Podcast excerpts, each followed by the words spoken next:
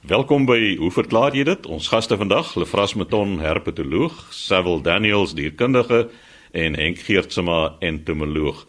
Lefras, ons begin by jou vandag. As 'n mens 'n slang sien, moet jy stil staan of moet jy gee pad? Ja, Chris, Joe van die Parel. Hy wil weet na aanleiding van 'n program wat ons nie lank gelede uitgesaai het of oor slange se sigprobleme of dit dan nou sal werk as jy op 'n groot giftige slang hom verras of jy kan stil staan met die gedagte dat hy kan jou nie sien nie of moet jy wegbeweeg. Nou ja, ek dink vir met baie van hierdie vyande van ons is die raad staan doodstil of as jy beweeg, beweeg baie stadig. Nou ek wil dit nou sommer hier aan die begin sê mens moet nou baie versigtig wees met 'n slang met die gedagte van wegbeweeg of stil staan.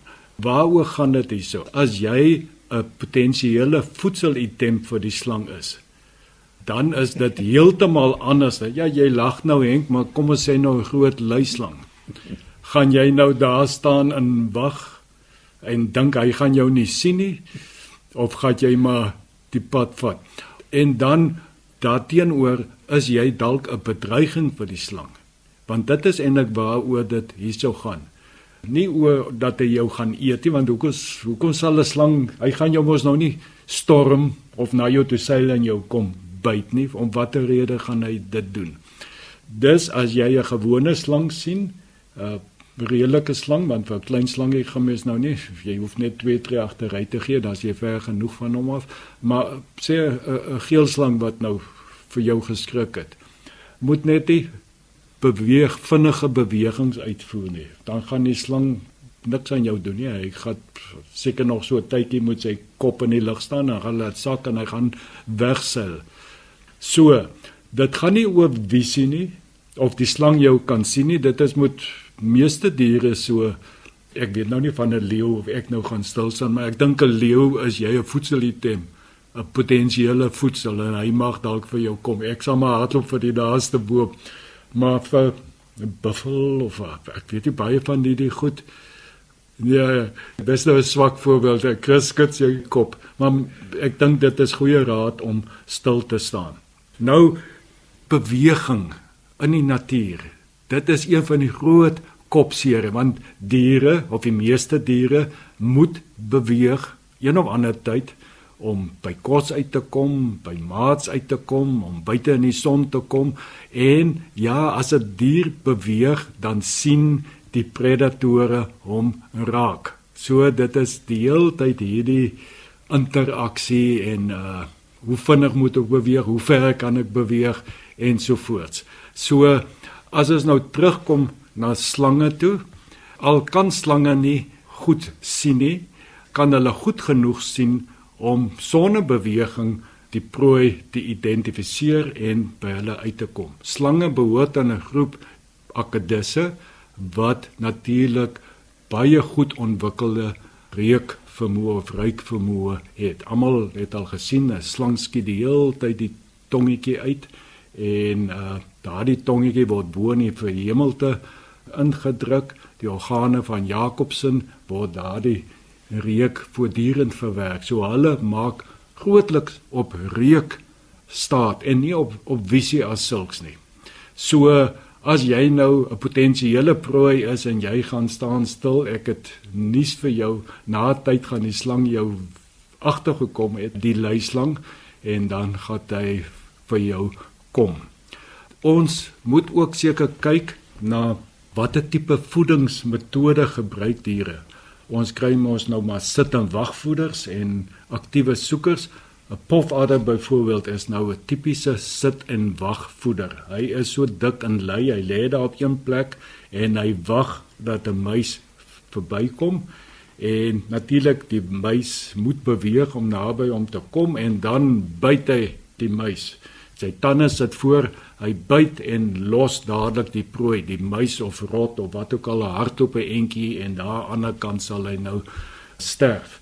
En dan gaan die pofadder en gaan vind die muis wat nou doodstil daar lê en hy het geen probleem om daardie muis baie vinnig te vind nie. Hy ruik die muis. So dit illustreer maar net dit help nie eintlik om te sê as ek doodstil staan gaan niks my kry nie. Dan het ons ander slange, eiervreter byvoorbeeld. Ons weet 'n eier lê doodstil in die nes gewoonlik en die nesse sit stil daar so as die wind nie waai nie. Tog daardie eiervreters kan daardie eiers vind met die grootste gemak want hulle ruik die eiers. Hulle visie is nie so goed ontwikkel nie. Dan is daar as ons na die akedisse toe gaan, byvoorbeeld is daar nou weer baie insekvreters wat absoluut op beweging ingestel is. Hulle reukvermoë is baie swak. Hulle sit doodstil. Hulle is ook sit en wagvoeders en as daar 'n beweging is, dan is hulle dadelik dan gaan hulle vir die insek en hulle vang hom. Maar as die insek doodstil sit, dan sit die akedus ook doodstil.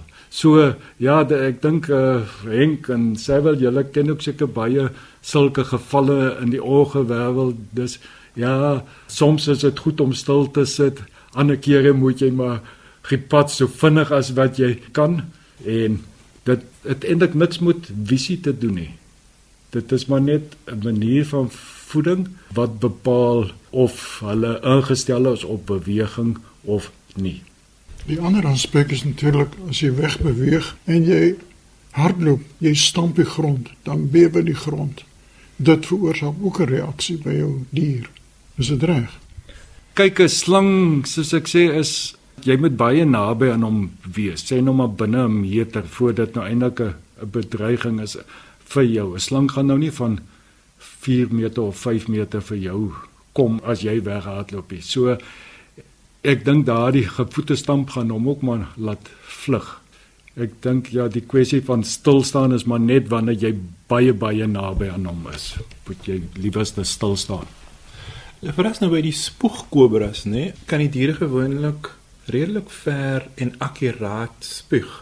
So is die visie by kobras by hulle beter ontwikkel as by die ander of nie? Ons het dit in daardie vorige program so genoem dat hulle visie is eintlik hulle kleurvisie is nie so goed soos ons in byvoorbeeld nie. Maar hulle visie is nog goed. Goed genoeg dat hulle sulke dinge kan akkuraat mik. Ja, jy's reg, die spoegslange, hulle gaan vir die oë want die gif gaan geen ander effek hê as dit nie in die oë beland nie. So sê Lefras Meton, ons herpetoloog. Sewel, die vraag is, ervaar visse, soogdiere en voëls pyn op dieselfde manier. Nou ek verbeel my ek het iewers gehoor dat 'n hengelaar gesê het hulle vang vis en dan laat hulle hom weer los agterna en dat die hoek wat nou hier deur die lip is hom klaarblyklik nie seermaak nie. Nou ek weet nie of dit heeltemal korrek is nie. Chris, jou eerste vraag van Elsa de Tooi van Randburg.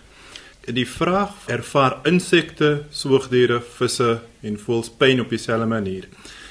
Nou as 'n mens natuurlik na die diereryk as 'n geheel kyk, is daar diere wat geen senuweestelsels het nie, soos byvoorbeeld by die sponse, alhoewel hulle werklik redelike primitiewe groeperinge is. Wanneer 'n mens na die res van die diereryk kyk, het 'n mens werklik die arthropode, die molluske, die plathelminths, die nematode By hierdie diere is die senuweestelsel gewoonlik ventraal geleë en dan by die kordata wat dan nou mense sou insluit, die soogdiere en die visse, voëls ook, is die senuweestelsel dorsaal geleë. Daar is ook by die hoër diere wat nou natuurlik meer onlangse evolusionêre oorspronge het, groter vlakke van kefalisasie of kopvorming Met ander woorde, wanneer jy gewoonlik 'n kop het, is daar gewoonlik 'n groot hoeveelheid senuwee eindpunte wat gekonsentreer is. Daar's 'n groot hoeveelheid sintuie wat dan nou om die kop so voorkom, oë, mond, ore en so voort. In die algemeen is daar ook 'n geneigtheid dat daar korrelasie sou wees tussen die grootte van die kop en die gevorderdheid van die senuweestelsel. Maar in die literatuur is die antwoord op die pyn 'n baie meer komplekse scenario. Een van die definisies sê dat pyn is 'n menslike emosie. en dit is werklik 'n reaksie op 'n meganiese stimule. Nou as 'n mens die menslike emosiegedeelte weg sou neem en net kyk na die reaksie op 'n meganiese stimule, insekte doen dit ook. Wanneer jy byvoorbeeld 'n insek se poot sou wou afsny, sal die insek probeer weghaloop. Met ander woorde, dis 'n meganiese stimule wat jy dan nou daar toepas. Een van die ander definisies sê weer dat pyn 'n bewuste ervaring is. En dit is werklik net by hoër soogdiere wat 'n mens hierdie bewuste ervaring sou kon toeplaas by ongewervelde diere soos by insekte omdat die brein redelik klein is en primitief is so mense nie so 'n definisie van pyn kon toepas nie. Die derde definisie sê pyn is 'n funksie van die kompleksiteit van die organisme se brein. Met ander woorde, hulle maak die korrelasie tussen hoe kleiner die brein, hoe minder die pyn, hoe groter die brein van die dier, hoe groter gaan die pynervaring sou kon wees. Ek dink in die algemeen is die wetenskaplikes hulle stem saam oor die feit dat insekte 10 10 ene nie pyn ervaar nie, maar dat alle werveldiere wel pyn ervaar. Maar die situasie is baie meer gekompliseer omdat die senuweestelsel van ongewervelde diere in vergelyking met werveldiere werklik myle van mekaar apart is en selfs in die werveldierbouplan is die senuweestelsel ook nie so eenvoudig of maklik om te vergelyk met mekaar nie. So ek gaan nou my kollegas vra wat hulle dink die diere doen. Sevel ek dink die eerste probleem vir wetenskaplik is is wat is pyn? Hoe meet jy pyn? Want jy kan nie 'n masjienkie daar koppel. Hy gaan wel soos jy sê, die sensors is daar, so die insek of die vis gaan nog altyd 'n reaksie toon, maar is dit pyn? Word dit as pyn vertolk deur die brein? Dit weet jy nie. So dit is baie moeilik om te sê en dan sover ek weet by visse, ons vat nou maar visse en soogdiere, hulle het visse het dieselfde reseptore of die meganisme is daar in plek. So hoekom sal hulle nie ook pyn ervaar nie? En dan nog 'n ding wat ek sommer nou aan dink, dit is baie moeilik met 'n vis om daar kan 'n reaksie wees, maar jy het nie gesigsuitdrukkings of geluide wat gemaak word nie. Ons weet 'n hond chunk en 'n kat sal miau en 'n kind sal begin huil met die ervaring van pyn. 'n Vis, daar's eintlik niks wat hy geen reaksie wat jy kan meet en vertolk as moontlik as pyn nie. Enk wat die insekte betref, jy gebruik altyd die pragtige voorbeeld van die paringsproses by bidspringkane. Die mannetjie se kop word afgebyt, maar hy gaan voort om te paar. Ja, hy ervaar die verwydering van sy kop nie as pyn nie, maar eerder as 'n stimulus. Nee, die ding is ek sien pyn as 'n reaksie op iets wat nie korrek is nie, wat nie die normale is nie. Met ander woorde, as die insek se poot verwyder, dan sal die insek reageer. En ek dink pyn is amptelik 'n menslike definisie. Dis 'n reaksie eintlik. Selfs 'n amoeba, die eenvoudigste vorm van lewe. As jy 'n druppeltjie suur naby die amoeba sit, dan is daar reaksie. Of die amoeba pyn ervaar, sal ek nie weet nie. Ek dink pyn en die ander ding, julle kollegas was nog nooit in die hospitaal nie. Maar ek was hulle in 'n hospitaal. En dan vra die verpleegster vir jou: "Wat is jou pyn uit 10?" Met ander woorde, is dit 4 uit 10, 8 uit 10 en dan bepaal hulle of jy morfine gee of nie. En weer kry mens ook 'n verskynsel dat verskillende individue ervaar verskillende grade van pyn. So pyn is amper 'n emosionele refleks op iets wat nie korrek is nie. Sover ek weet ook by baie van die diere, jy het net op verwys na 'n insek se been aftrek of sê naby 'n hitte bron bring dan is daardie reaksie onmiddellik en ons weet self pyn soos wat ons dit ervaar kom baie keer eers na die tyd jy weet dit is nie daai onmiddellike ja jy sê jou vinger wegtrek maar jy voel nie pyn nie. Dit is op daai stadium is dit maar net 'n uh, onwillekeurige 'n refleksreaksie en die pyn kom eers na die tyd. So die is twee goeie te sake. En ek dink dit is wat jy gesê het, dit gaan oor die brein se grootte, die vertolking, nog 'n verdere vertolking van daardie inligting en dit omsit in pyn as 'n addisionele hulpmiddel om die oorsaak te oorkom of te vermy. Ja, jy is altoe absoluut korrek. Lefras interessant genoeg is daar nogal 'n meter wat die mense ontwikkel het, 'n dollimeter wat gebruik kan word om pyn te meet in mense maar dit is soos jy reg sê by die ander diere dit dit hang af hoe jy dit meet as 'n wetenskaplike wil 'n mens goed kan meet en kwantifiseer en kwalifiseer en met pyn soos Henk nou byvoorbeeld nou net gesê het verskillende mense het verskillende toleransies tot pyn die een kan die pyn uit 10 as 'n 4 ervaar terwyl die ander een kan sê maar hy het nou 10 uit 10 pyn so daar's 'n groot spektrum van ander faktore wat dan nou gaan beïnvloed hoe die pyn ervaar word maar ek dink dit is 'n komplekse scenario om dit werklik te probeer in 'n neutedop te verpak. Ek sien pyn ook as 'n waarskuwing van jou liggaam dat iets is nie heeltemal reg nie. Met ander woorde, jy is absoluut gesond as jy geen kopseer het nie, geen spierpyn en so, dan is jou liggaam tevrede met jou, maar so gou daar 'n pynsimptoom, ek praat van 'n simptoom, opduik, moet jy weet daar's 'n oorsaak. En probeer die oorsaak oplos. Ja, dit was dan Sewil Daniel, ons dierkundige wat gesels het oor hoe verskillende diere pyn ervaar. Laas dan die beurt, Henk Geertsma en Henk, jy het 'n vraag ontvang oor termiete. Ja, luisteraars, ek het 'n baie mooi lang brief gekry van Dani Steenkamp van Kempton Park. En hy sê vir die span, baie dankie vir 'n baie interessante program en hy wil lankal items instuur en as hierdie ene interessant genoeg is, wil hy nog 'n paar in die toekoms stuur. Dani, doen so voort. Nou, hy sê sy besprekingspunt is 'n perskeboom van nou oor die 30 jaar oud wat nou finaal oorwin is deur termiete. Nou, het die boom nou afgesaag en 'n paar dae gelede toegegooi, nou 'n bietjie oopgemaak vir die fotos en nou 'n hele reeks fotos vir my aangestuur. Nou sê soos gesien kan word, het die boom onder 'n knoets gevorm die laaste aantal jare. Nou dis 'n perskeboom van 30 jaar oud. Dit het 'n deursnee van 560 mm, sowat 170 mm bo die grond. Met ander woorde, dis 'n ordentlike knoets.